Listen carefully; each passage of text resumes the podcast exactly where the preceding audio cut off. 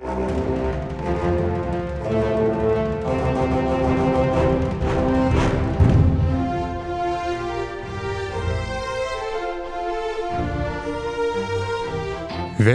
til Frankrike forklart, en podkast der du får svar på alt du lurer på om Frankrike. Mitt navn er Geir Uvsløk. Og mitt navn er Frank Urban. Vi har et litt uvanlig format for en episode som vi anser som en hastesak, eh, med tre gjester denne gangen. Like før jul blir statsbudsjettet for 2023 drøftet og vedtatt. Tre institusjoner som er viktige for det norske franske undervisnings- og utvekslingsmiljøet, dvs. Si den franske skolen i Oslo, den norske seksjonen Section Norvégienne ved Lycée International de Saint-Germain-en-Laye og det fransk-norske studiesenteret i Caen, Normandie, OFNEC, fryktet omfattende budsjettkutt i tilskuddet som disse institusjonene hittil har fått, og som de trenger sårt for å kunne leve videre. Hvilken rolle spiller disse institusjonene? Hva er status for dem etter at statsbudsjettet ble behandlet, og hva betyr en rimelig grad av økonomisk stabilitet for dem over tid, og mer generelt for det bilaterale samarbeidet mellom Frankrike og Norge? Dette er temaene vi skal drøfte sammen med Annabelle Lefebure Henriksen for den franske skolen, Ida Elisabeth Richter Storve for den norske seksjonen i Saint-Germain, og Espen Klævik Pettersen for det franske-norske studiesenteret i Caen.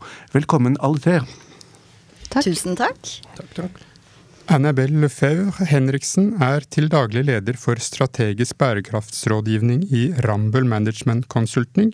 Hun er nestleder i styret på Den franske skolen i Oslo, og sitter i arbeidsgruppen som jobber med finansiering av skolen. Ida Elisabeth Richter Storsve er rektor for den norske seksjonen ved Lycée International de Saint-Germain-en-Laye, 30 km vest for Paris. Hun er utdannet lektor i norsk og historie, og har jobbet som lærer ved seksjonen siden 2014. Og Espen Klevik Pettersen er førsteamanuensis i fransk språk ved Universitetet i Agder, og ansvarlig fra norsk side for samarbeidet mellom Universitetet i Agder, Universitetet i Bergen, NTNU og det fransk-norske studiesenteret i Caen, OFNIC. Og vi skal, å, vi skal, begynne med å lære litt mer om institusjonene eller samarbeidsordningene som dere er her for å representere. Så Annabelle, kan du gi oss litt bakgrunnsstoff om den franske skolen i Oslo? Ja, klart. Eh, den franske skolen i mm, Oslo er man kan si at det er en av Norges mest mangfoldige skoler. Eh, den har 650 elever fra over 55 land. Og den har eksistert i over 60 år. Ehm, den tar imot barn fra barnes, eh, barnehagen opp til eh, videregående. Og eh, det som er viktig å si at den er åpen for alle, både fransktalende og også barn som ikke har fransk som morsmål. Den er godkjent av den franske kulturdepartementet og norske myndigheter, og den følger da fransk læreplan. Eh, det er også som er interessant å si om skolen, at den er tilknyttet et nettverk av franske skoler i utlandet. Eh, den består faktisk over 400 skoler i 130 land. Det var den franske skolen i Oslo. Eh, hva med deg, Ida, og den norske seksjonen i Saint-Germain? Ja, Aller først så har jeg lyst til å takke dere, Frank og Geir, for at dere inviterer oss. For i hele denne vanskelige prosessen rundt statsbudsjettet, så tror jeg noe av det gode som kan komme ut av det, er nettopp at vi og våre norsk-franske institusjoner blir mer kjente for omverdenen og med hverandre, og at, skjønner, at flere skjønner hva vi representerer. I forhold til den norske seksjonen ved Lycée International, så er norsk seksjon en av 14 internasjonale seks eh, seksjoner ved Lycée International de Saint-Chamauli. Lycée International har over 4000 elever fra første klasse til og med VG3. 53 nasjonaliteter er representert. Norsk seksjon fikk sin egne norske seksjon i 1984. Og det går gjennomsnittlig 50 norske elever i året eh, ved seksjonen vår. Det er, eh, Lysent Nasjonal er en gammel Nato-skole opprettet etter andre verdenskrig i 1952 som et internasjonalt fredsprosjekt.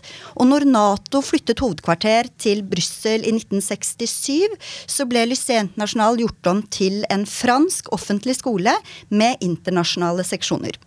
Du kan ikke begynne som elev ved Lycée International uten en tilknytning til en av de 14 internasjonale seksjonene. Så for de norske elevene så er det deres norske pass som er inngangsbilletten til skolen. Og skolen har en helt unik organisering. Elevene følger full fransk læreplan, i tillegg som de har åtte timer seksjonsundervisning, eller nasjonalundervisning i tillegg. Og da kommer de norske elevene til de norske klasserommene og får undervisning i norsk språk og litteratur og norsk historie, samfunnsfag og geografi. Og for å avslutte eh, skoleløpet til elevene våre avsluttes med en OIB-eksamen. En fransk bakk med en internasjonal fordypning. Option international de baccalauria Og det er en spesielt krevende eksamensform der man i tillegg til alle de franske avsluttende eksamene tar morsmålseksamener på nasjonalspråket sitt, skriftlig og muntlig, i norsk og i historie og geografi, rettet og sensurert av en norsk sensor. Uh, og det er denne undervisningsmodellen som fører til at elevene våre blir 100% tospråklige med to likeverdige morsmål, og det står også på vitnemålet deres. Tusen takk, Ida. Og til slutt, Espen. Eh, hva slags samarbeid er det flere norske universitet har med OFNEC i Normandie, og hva, kort fortalt, hva er OFNEC? Ja, altså OFNEC er da et studiesenter ved universitetet i Caen i Normandie.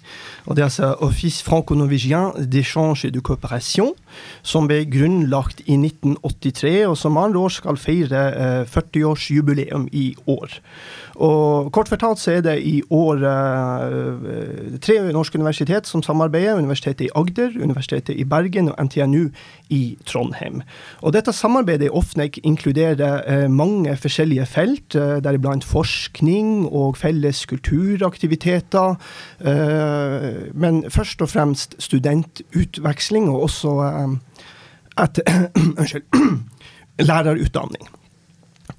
Så eh, hvert år så sendes eh, studenter nedover for eh, opphold på inntil fem uker, hvor de da bor hos franske vertsfamilier og går og får intensive kurs av franske forelesere som er spesialisert innen fransk som andrespråk. I tillegg til det har altså NTNU da et årskurs, et helt årskurs med didaktikk, der studentene tilbringer hele året og tar 60 studiepoeng nede ved dette studiesenteret i, i, i Cannes. Um, så det er av en helt avgjørende betydning uh, for kvaliteten i vårt uh, utdanningstilbud, både på årskurs og, og bachelorprogram. Fra et fransk perspektiv så kan jeg tilføye at jeg var selv student i Caen i historie og skandinavisk på 80-tallet.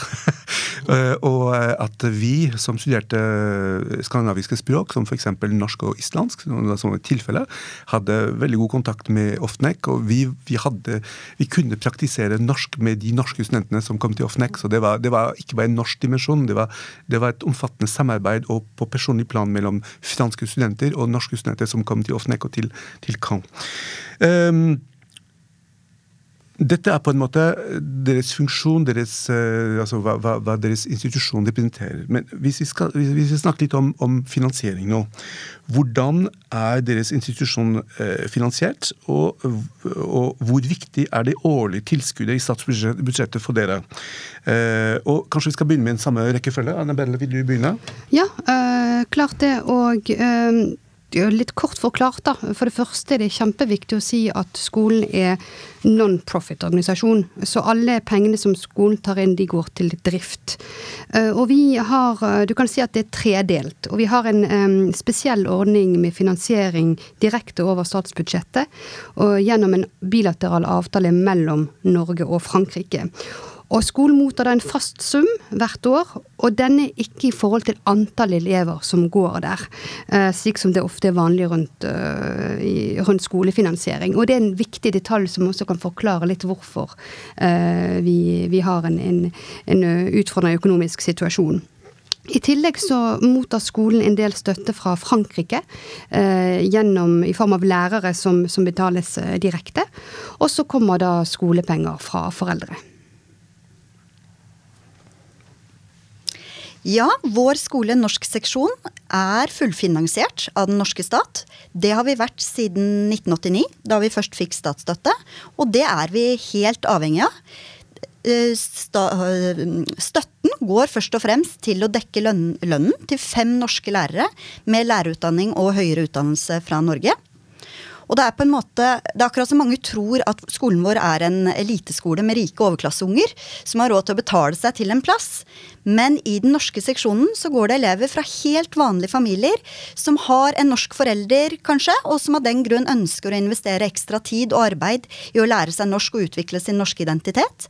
Eller vi har elever som kommer til Frankrike sammen med foreldre på forskerstipender eller på midlertidige arbeidskontrakter, der det er viktig at barna i familien opprettholder nivået sitt i norsk, slik at de kan gå rett tilbake til sin normalklasse i Norge når de reiser hjem igjen med familien sin. Og i forhold til regjeringens kutt, så tenker jeg at det er viktig å vite hva man kutter, når man tar bort en statsstøtte som en skole har fått i over 30 år. For, da forplikter det å sette seg inn i hvem som utgjør elevgruppen vår. Og det tror vi ikke Kunnskapsdepartementet har gjort når de kutter vår støtte totalt. Espen? Ja, altså Ofnek-samarbeidet er jo finansiert altså Det er jo et bilateralt samarbeid mellom Frankrike og Norge. Men samtidig er det en slags trepartssamarbeid i den forstand at budsjettet uh, blir betalt av universitetet i Caen, som uh, yter den langt største summen uh, på over to millioner norske kroner. og så har vi da fått en støtte fra den norske stat, Kunnskapsdepartementet via HK-DIR, som har lagt et beløp på om lag 1,2 2 millioner kroner eh, årlig i potten. Og til sist eh, så er det altså da et, et mindre beløp eh, som en budsjettramme opp mot ja, la oss si 600 000 kroner, som investeres da til sammen av de tre norske universitetene. og de siste det, budsjettet da skal først og fremst finansiere undervisningskoordinatoren, altså den stillinga som jeg innehar nå. Så det er veldig viktig å poengtere at det er faktisk Frankrike her som betaler eh, den langt eh, største summen av budsjettet. Et veldig sjenerøst tilbud fra universitetet i Kansas side, og som bl.a. Eh, finansierer fullt ut nesten 800 fulle undervisningstimer for uh, våre studenter uh, der nede. Uh, så det er klart at det er tenkt som en motytelse fra fransk side for den støtten som den norske stat har lagt på bordet. Og det er klart at Hvis den støtten faller bort, så kan det være meget eh, dramatisk. Eh, for det er hele tida tenkt som en helhet der alle bidrar med sitt. Ja, takk alle tre. Eh, I forkant av behandlingen av årets statsbudsjett så gikk det altså rykter om at deres institusjoner kunne rammes av uh, harde kutt. Uh, og så kom da statsbudsjettet, og hva var da omfanget av kuttene? Og kan dere også si noe om hvilken begrunnelse man ga for dem, hvis det var noen begrunnelse i hele tatt? Da kan vi begynne med 40-årsjubilanten Offnek, Espen. Ja, altså, da kan jeg svare kort, fordi at der var i, i bunn og grunn ingen, eh, ingen eh, begrunnelse, verken i forkant eller i etterkant av dette budsjettkuttet. Eh, vi hadde heller ikke hørt noen rykter om dette, og trodde vi skulle feire 40-årsjubileum med det vanlige budsjettet. Og, og, så fikk vi vite, nærmest litt i forbifarta ved en tilfeldighet, at, at, at, det var foreslått å kutte støtta. Så utover den generelle formuleringa som, som statsråden har gitt, vi har jo fått formulert et skriftlig spørsmål eh, til statsråden eh, nettopp om kutten til Ofnek. og Der står det jo kun at det er harde økonomiske tider, at man må prioritere. Men utover det så, så kjenner vi ikke til noen begrunnelse. Ja, da har ikke det fransk-norske samarbeidet blitt prioritert der, altså. Hva med den norske seksjonen i Saint-Germain, Ida? Nei, jeg kjenner meg veldig igjen i det Espen uh, sier. Før statsbudsjettforslaget ble presentert uh, eh, 6.10 i, i fjor høst, så ante ikke vi at vi kunne bli rammet. Og det kom som et enormt sjokk på oss. Det skal jo kanskje også nevnes at vi har hatt litt lite dialog med Kunnskapsdepartementet de siste årene. Og det handler ikke om manglende vilje fra vår side. Vi vil gjerne ha god kommunikasjon og rammer og regler. De gir jo en trygghet. Um, men ja, de har vist litt lite interesse for oss, vil jeg si. Og også nå i høst, når vi har kontaktet KD og kunnskapsministeren igjen og igjen, så var det ikke før helt på tampen, nå rett før jul, at de svarte oss. Og jeg måtte nærmest insistere på å få et møte med dem. Og det syns jeg er ganske talende. Eh, at KD ikke har så stor interesse for våre norske og norsk-franske elever og familiene deres i Frankrike. Og det tyder også De vet ikke helt hva vi er, det er jo tydelig. Og det syns jeg begrunnelsen for kuttet tyder på. Eh, og begrunnelsen for kuttet er basert på følgende historikk. Vi fikk statstilskudd i 1989 som en norsk skole med undervisning både på norsk og fransk. Altså organisasjonsmodellen til Lycée International. I 2007 ble loven endret, og inn kom kravet om kun norsk som undervisningsspråk. Da meldte vi fra til KD om at vi var innunder en lov hvor vi ikke passer inn. I 2014 fikk vi et tilsyn fra UDIR som oppdaget det vi allerede hadde sagt, at vi ikke passer inn i privatskolelovens gjeldende form.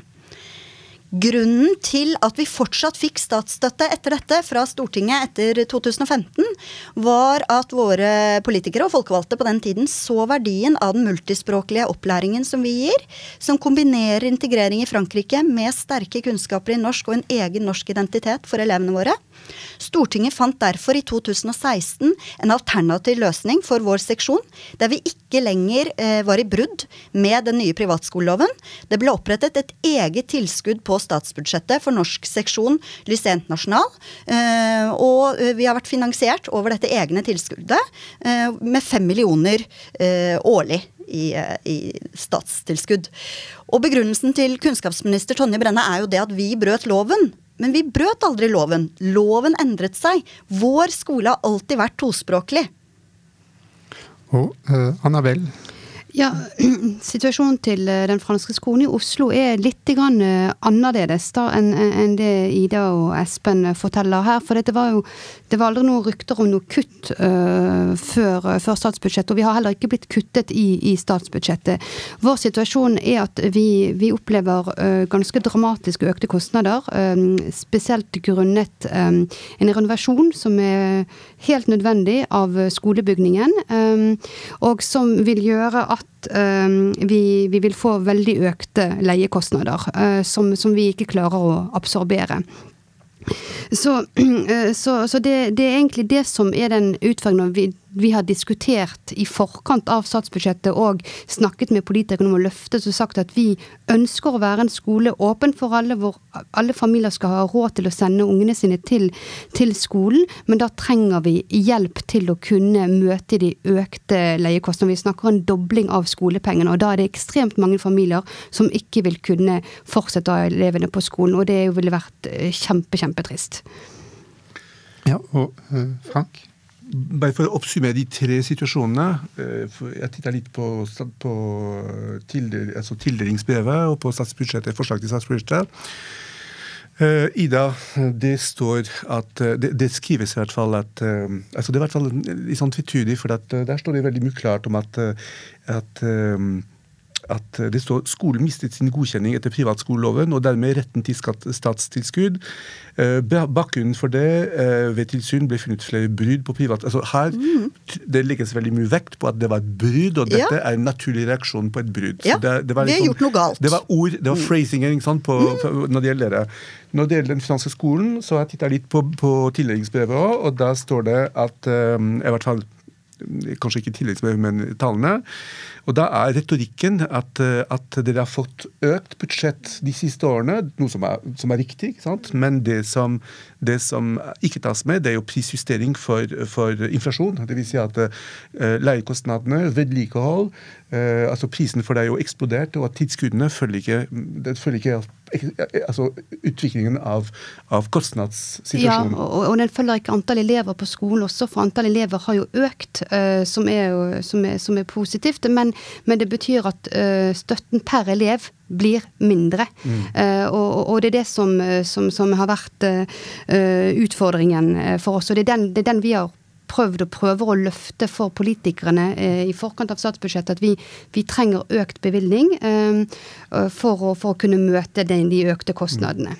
Og fortsatt Retorikken når det gjelder Ofnek er jo veldig spennende. ikke sant? For Der står det forslaget innebærer en reduksjon i støtten til Ofnek for 23 og en avvikling fra og med 24, 2024. punktum. Ja, stemmer det, Frank. Det, det, det, det, er ikke mye detaljer der, og det gjør jo at alle lurer litt på hva det betyr. Eh, men vi, så dette inneværende skoleår går som normalt. Eh, våre studenter ved Agder og studentene til NTNU eh, reiser i neste uke nedover for å være der, men vi har fått beskjed allerede om at fra høsten kan vi ikke planlegge som normalt. F.eks. årskursstudentene til NTNU som skal reise til høsten, kan kanskje ikke belage, belage seg på den, den, at vi, de får den normale støtta. Så det er høgst utklart hva som, hva som skjer framover.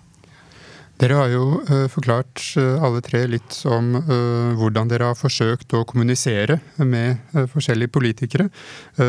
og hvem kan dere si at var Har dere hatt noen allierte, politisk allierte i denne kampen? Da kan vi kanskje også begynne med Espen.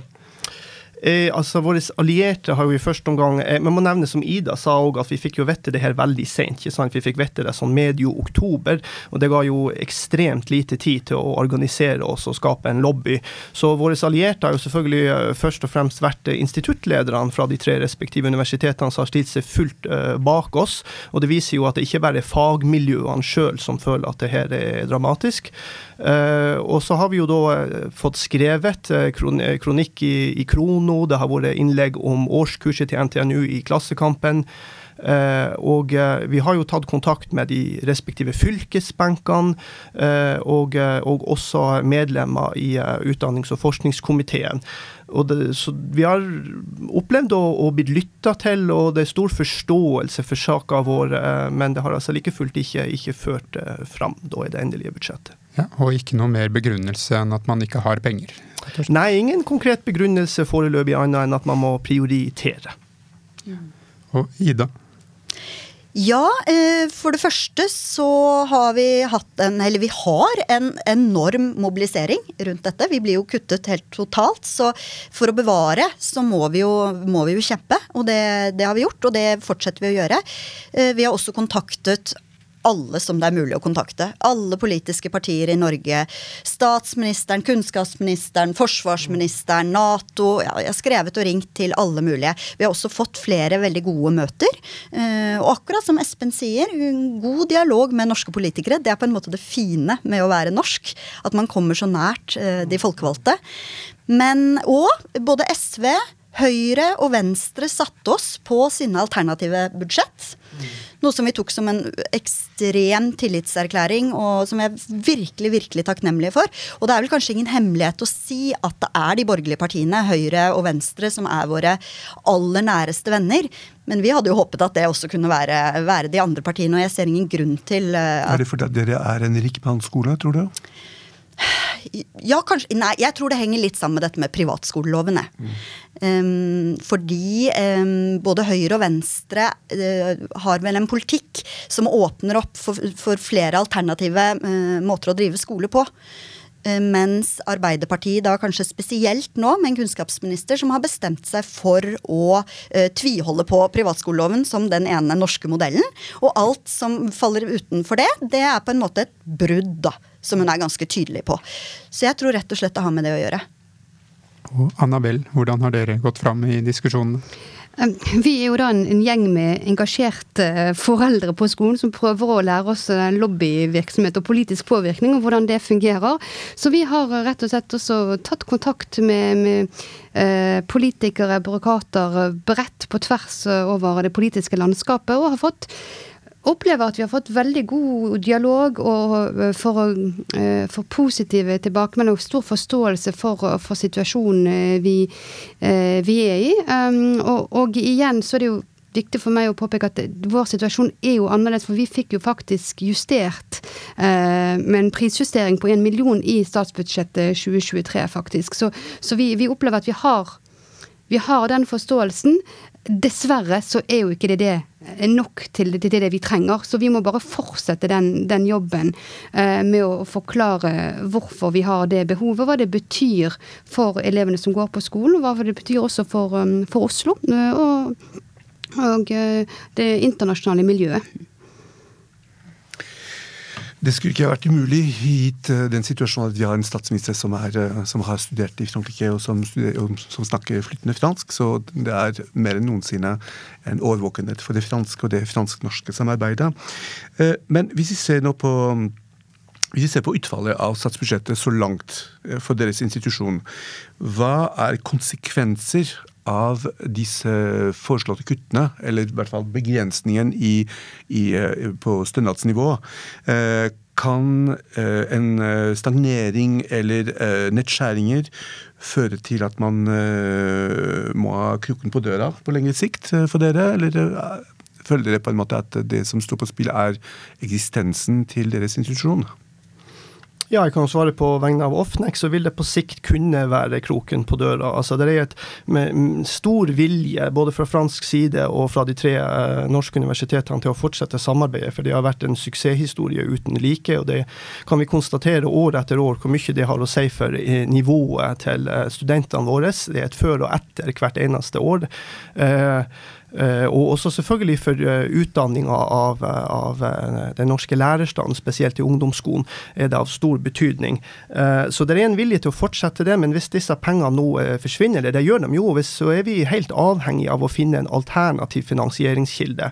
Universitetet i Kar uttrykt vilje til å forsøke å fortsette, så vi går en usikker tid i møte, men på sikt så må vi finne en, en alternativ finansiering hvis Ofnex-samarbeidet skal kunne Eh, overleve i den form det, det er i dag. Og Ida? Utfallet for norsk seksjon Lyse Internasjonal er ekstremt dramatisk. Vi mister all støtte fra høsten 2023. Vi kommer likevel til å forsøke å klore oss fast. Eh, hvis vi stenger dørene, så vil Norge være første, det første landet siden oppstarten i 1952 som trekker seg fra Lyse Internasjonal. Og dette akkurat som Espen sier, ekstremt vellykkede eh, utdanningssamarbeid. Det, det er jo egentlig bare gull. Den franske delen av, eller Det er jo en fransk skole, og den franske ledelsen er veldig støttende. De andre internasjonale seksjonene er kjempestøttende. De skrev jo til og med eh, et brev med signatur til Jonas Gahr Støre, som har blitt overrakt til han, der de tydeliggjør hvor viktig dette er. Så selvfølgelig, eh, kraften og, og ønsket om å fortsette, den er der. Og da må vi Vi håper opp mot revidert, selvfølgelig. Det er fortsatt en sjanse der. Men ellers så må vi finne en alternativ finansiering. Eh, kanskje privat. Kanskje det kommer en reddende engel som kan støtte oss. Kanskje fram til det blir eh, et eventuelt eh, stortingsvalg igjen. Og vi kommer oss tilbake på, på budsjettet. Men ja, vi ønsker å finne en løsning. Ja, og det, det, det samme kan jo vi si også, at det, dere sier det godt at den den institusjonen man kjenner i dag, den, den, er i fare for å ikke være på den samme måten. Og det gjelder jo også for, for vår del. Um, vi har jo støtte Vi får jo støtte fra Frankrike, og vi har uh, skolepenger. Uh, men det er klart at hvis vi må doble skolepengene, så er det jo ikke, snakker vi ikke om den samme skolen. Uh, og det er en helt annen skole vi da blir enn det de vi ønsker å være. Så, så, det er klart at det er en sårbar og, og dramatisk situasjon vi, vi, er i, til tross for at vi, vi er veldig fornøyd og vi kommer inn heldig situasjon i forhold til dere to, to andre som sitter rundt bordet i dag. Eh, for vi, 17 eh, består jo, og vi fikk til og med en, en prisjustering. Men den, det, det er jo ikke kan du ikke legge under tvil at er, den er jo ikke nok. Eh, så, så, vi kommer til å fortsette å jobbe på flere plan, også politisk, for å få økt støtten og bevilgningen. Uh, ja, uh, og uh, tusen takk. et siste spørsmål på et litt mer generelt plan nå. hva tenker dere at denne debatten om statsbudsjettet om, sier om norske myndigheters vilje til å prioritere det bilaterale samarbeidet mellom Norge og Frankrike i undervisnings- og utvekslingssektoren? Jeg kan kanskje begynne med Annabelle denne gangen. Ja, det, det, det syns jeg Den franske skolen. Ja, den franske skolen. Det, det, er et vanskelig spørsmål å svare på, på synes jeg. For vi, vi, opplever som sagt at dialogen er god. Eh, støtte støtten, eh, forståelsen er der. Det er ingen som sier at vi ønsker at skolen skal legges ned. Eh, så, så vi, vi, vi, opplever at den, det samarbeidet eh, ønsker, og, ønsker politikerne skal bevares. Men så er det klart at vi har også kanskje en jobb å gjøre å gjøre skolen vår mer kjent i, i det norske samfunnet. Og der, der må vi fortsette å, å, å, jobbe for at de skal også se verdien av, av skolen vår i en norsk kontekst. Og ja, det, det, det, er vanskelig å vite hva, hva ellers som ligger bak. Eh, det, det er mye politikk, sikkert. Og Espen med Offnek? Ja, altså det, jeg, jeg sitter og tenker her på at det er altså tre eh, tre saker som, som, rammer på ulike måter fransk-norsk samarbeid. Og det er jo vanskelig å se for seg at det er en, en ønsket politikk ikke fra regjeringens side for å ramme spesielt det norsk-franske samarbeidet. Det, det, det, det, virker som om det er mer uh, tilfeldig da, en sum av ulike saker. Uh, men det er klart at det sender jo en signaleffekt til Frankrike, på en måte. Og det som jeg syns er spesielt bekymrende her, er jo den litt sånn mangelen på transparens, på en måte. Det at man ikke har fått noen indikasjoner på dette før rett før det skjer. så det, det kan nesten antyde at det er Ja, det, det, kan virke så på en måte at man får beskjed om å uh, spare inn penger. Som man forstår, selvfølgelig. Og så må man finne penger en plass, og så finner man ut noen poster i budsjettet på en måte uten å gå tilstrekkelig i dialog. Og det, det syns jeg er skremmende. Så det vil sende signaler inn i den franske akademiske verden. Og det sender jo også signaler til norske studenter og norske mm. elever, Ida. Ja. ja. og norske familier som uh, reiser til utlandet eller reiser til uh, Paris for å gjøre en, en, jobb for Norge. Ikke minst. Og jeg er litt enig med deg, Espen. Og vi trodde jo også lenge, og kanskje vi fortsatt tror, at det var litt tilfeldig at det akkurat var vi og, og dere som blir, uh, som blir kuttet. Men nå har vi jo informert de til gagns om hvordan dette eh, straffer fransk-norsk utdanningssamarbeid. Og vi blir jo kuttet nettopp fordi vi er en internasjonal skole i Frankrike, og ikke en helnorsk skole i Frankrike à la Spania-modellen, med full undervisning på norsk i alle fag, som passer inn i privatskoleloven. Så på den måten så ser jeg jo ikke noe vilje fra regjeringens side i, i, i vår situasjon da, til å styrke og bevare norsk-fransk utdanningssamarbeid. Og det er jo akkurat det samme som dere nevner òg. Den franske stat eh, sponser jo våre norske elever med en masse penger. De, de holder jo bygning og vedlikehold og oppvarming og alt dette. Det betaler jo ikke eh, den norske stat. Det gir jo Frankrike til våre norske elever. Og Uh, av våre norske avgangselever så reiser over 50% tilbake til Norge og tar høyere utdannelse i Norge og blir språklige, internasjonalt orienterte ressurser for Norge. Eller elever, vi har elever som, som begynner på universiteter eh, og får arbeid andre steder i verden, og blir da helt fantastiske norgesambassadører. Så, og, ja, og det, det, nettopp det har vi prøvd å, å virkelig fokusere på. Hva også Frankrike gjør for Norge, da. Så da har vi fått en god oversikt over disse tre ulike situasjoner som er krevende, og som kommer på toppen av utfordringen som allerede finnes når det gjelder rekruttering av elever og studenter på våre institusjoner. Det skal vi snakke om etter hvert òg. Eh, jeg minner også om at vi i tillegg til podkastepisoden, så kommer det en kronikk i eh, forskning.no og i Transittmagasin hvor vi har bedt dere om å gå sammen og, og skrive en tekst som både belyser deres situasjon, altså per institusjon, men også som kanskje hever blikket litt og, og, betrakte litt hva, det, hva det betyr for, for, for det franske-norske samarbeidet innenfor uh, undervisning og utveksling. Men på slutten av hver episode ber vi vår gjest, i dag våre gjester om å komme med en fransk anbefaling. Uh, Annabelle, hva er din anbefaling? Ja, uh, det er en kort en. Kort en. Um, for det første leser Laila Slimani, som er en fransk-marokkansk forfatter. Eh, hvis man ikke har gjort oppdaget eh, henne allerede. Og så siden vi i januar, så må jeg jo slå en uh, Si at La Galette de Roi. Hvis dere ikke kjenner La Galette de Roi ennå, så er den der franske kaken hvor man har gjemt en liten porselenfigur inn, og så får man, hvis man får den, så blir man konge eller dronning for dagen. Mm. Den anbefaler jeg på det sterkeste. Tusen takk, Annabelle. Pass på tennene når dere finner ja, det. Det kan skje fort ulykker. Uh, Ida, har du noen anbefaling? Ja, jeg har en sånn sånn minidagsturanbefaling. Hvis man er i Paris så synes jeg, og ønsker å få litt landlig luft, så syns jeg man skal ta toget ut til Chateau. Så skal man gå av, og så skal man følge gang- og sykkelveien opp hele veien til Saint-Germain-Olé. Det er ca. en to timers uh, tur, og da går man i impresjonistenes rike, der Renoir og Monet sto og malte. Og så kommer man opp til Saint-Germain-Olé, som er jo fødebyen til Ludvig den 14., solkongen. Og der kan man spise lunsj med god samvittighet, og så kan man ta toget tilbake til Paris. Veldig fint. Espen? Eller man kan ta toget videre til Normandie. Det var det som eh, skulle være min anbefaling. at uh, Dere har jo hatt mange uh, gode anbefalinger om hva man kan gjøre i Paris. Men når man først er i Paris, så kan man òg benytte anledninga til å ta toget til Normandie. Det er to timer fra uh, Gare Saint-Lazare og opp til Caen. Og, og, da kan man få oppleve de rammene som de norske studentene nå i 40 år har fått oppleve der oppe. Å være i en region med historiske skandinaviske røtter, ikke sant. Med hertugen av Normandie som ble konger av England. og, og opphavet til hundreårskrigen og hele pakka. Og man kan, man kan reise ut f.eks.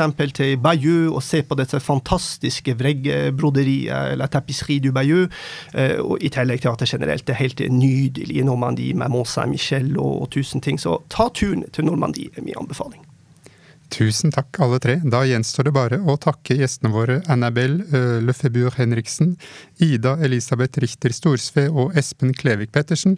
Så høres vi igjen av neste episode av Frankrike forklart, så vi er alltid store tilhengere av fransk-norsk samarbeid. Au revoir. Frankrike forklart er et samarbeid mellom Universitetet i Oslo og Høgskolen i Østfold. Podkasten er støttet av Det norske universitetssenteret i Paris og Institut Francais i Oslo, og har full redaksjonell frihet. Abonner på Frankrike forklart på iTunes, Spotify eller på andre plattformer der du lytter til podkast. Har du kommentarer til oss eller forslag til temaer vi bør ta opp, kan du sende inn det via vår Facebook-side Frankrike forklart. Alle dagens referanser ligger på denne Facebook-siden og på nettsiden vår vi skriver en kronikk i forbindelse med hver episode som belyser dagens tema fra en litt annen vinkel. Kronikken finner dere på forskning.no, Transitmagasin og på nettsiden vår.